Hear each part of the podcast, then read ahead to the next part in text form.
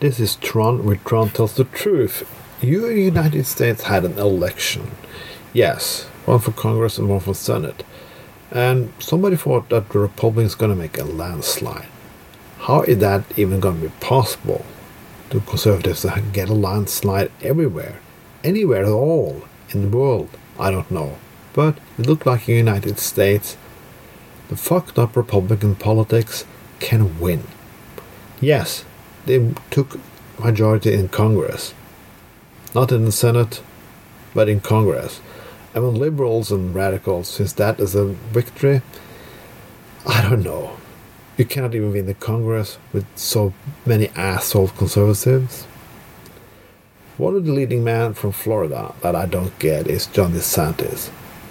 John DeSantis looked like he's going to be the opposite of Donald Trump as Republican, like a more soft Republican, like those fucking shitholes you know, like Bush and fucking Reagan, who's sucking dicks in hell. Look, listen to my other segment with that title. But John DeSantis is just Donald Trump with a nicer language. He hate gays, he hate women, he hate immigrants, hate, hate, hate, hate, hate, packed in with three kids and fucking talking about Jesus and guns. Conservative bullshit. I'm going to the election next year, and my slogan here in Bergen vote for Trump, goddammit, for change comes from behind. I don't know if I'm gonna win, but I'm gonna get a lot of attention because my political party hated me.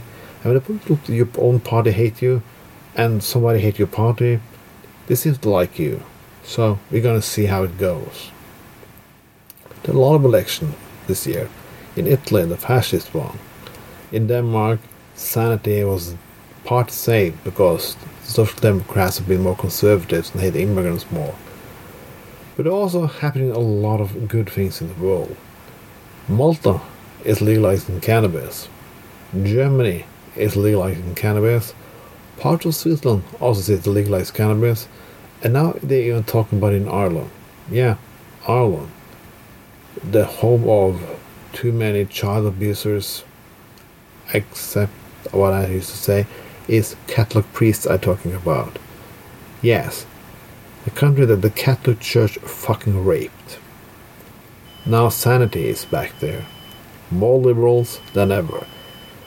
We're gonna have a new fucking bullshit world order soon. And the conservatives think they're gonna be it. And the liberals on the other side, um, and the socialists and so on, they're arguing where they can find the perfect savior. The conservatives always seem to find the savior everywhere. Like, it's so easy for them because you always have to hold a flag high and say some patriotic things and bullshit and be against this and against that and believes in Jesus. But on the other side, we should have the perfect person who applied to all our senses with nothing wrong, who do nothing, say nothing wrong, and so on and so on. And that seems to be the fucking problem everywhere. The Green Party in Norway is like that. They don't want me because I say fuck you and because of this segment. I understand them. So what? But that's also the problem here. They think it can be opposite by being as perfect as the other part. Why should it be that? Be more naughty. Be more crazy. Answer back. Don't take anything for granted. Like, why in the fuck should you try to reach the next level of purity? Nobody gives a fuck if you had a gang bang or threesome with three guys. Who gives a fuck? I'm tired of perfect politicians. I, don't say I want a criminal politician. I just want people who lived a little, who experienced a little, who've done something.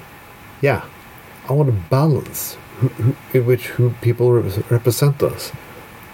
We need highly educated people, but we also need people who have education from other parts of life, from bars, pubs, I, from genders, so on. We need a balance, because only with balance we can get a fair society where people try to understand and respect each other. Not everybody has to be alike.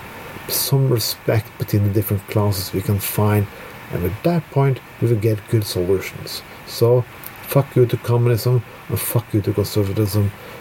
This is Trond, but Trond tells the truth.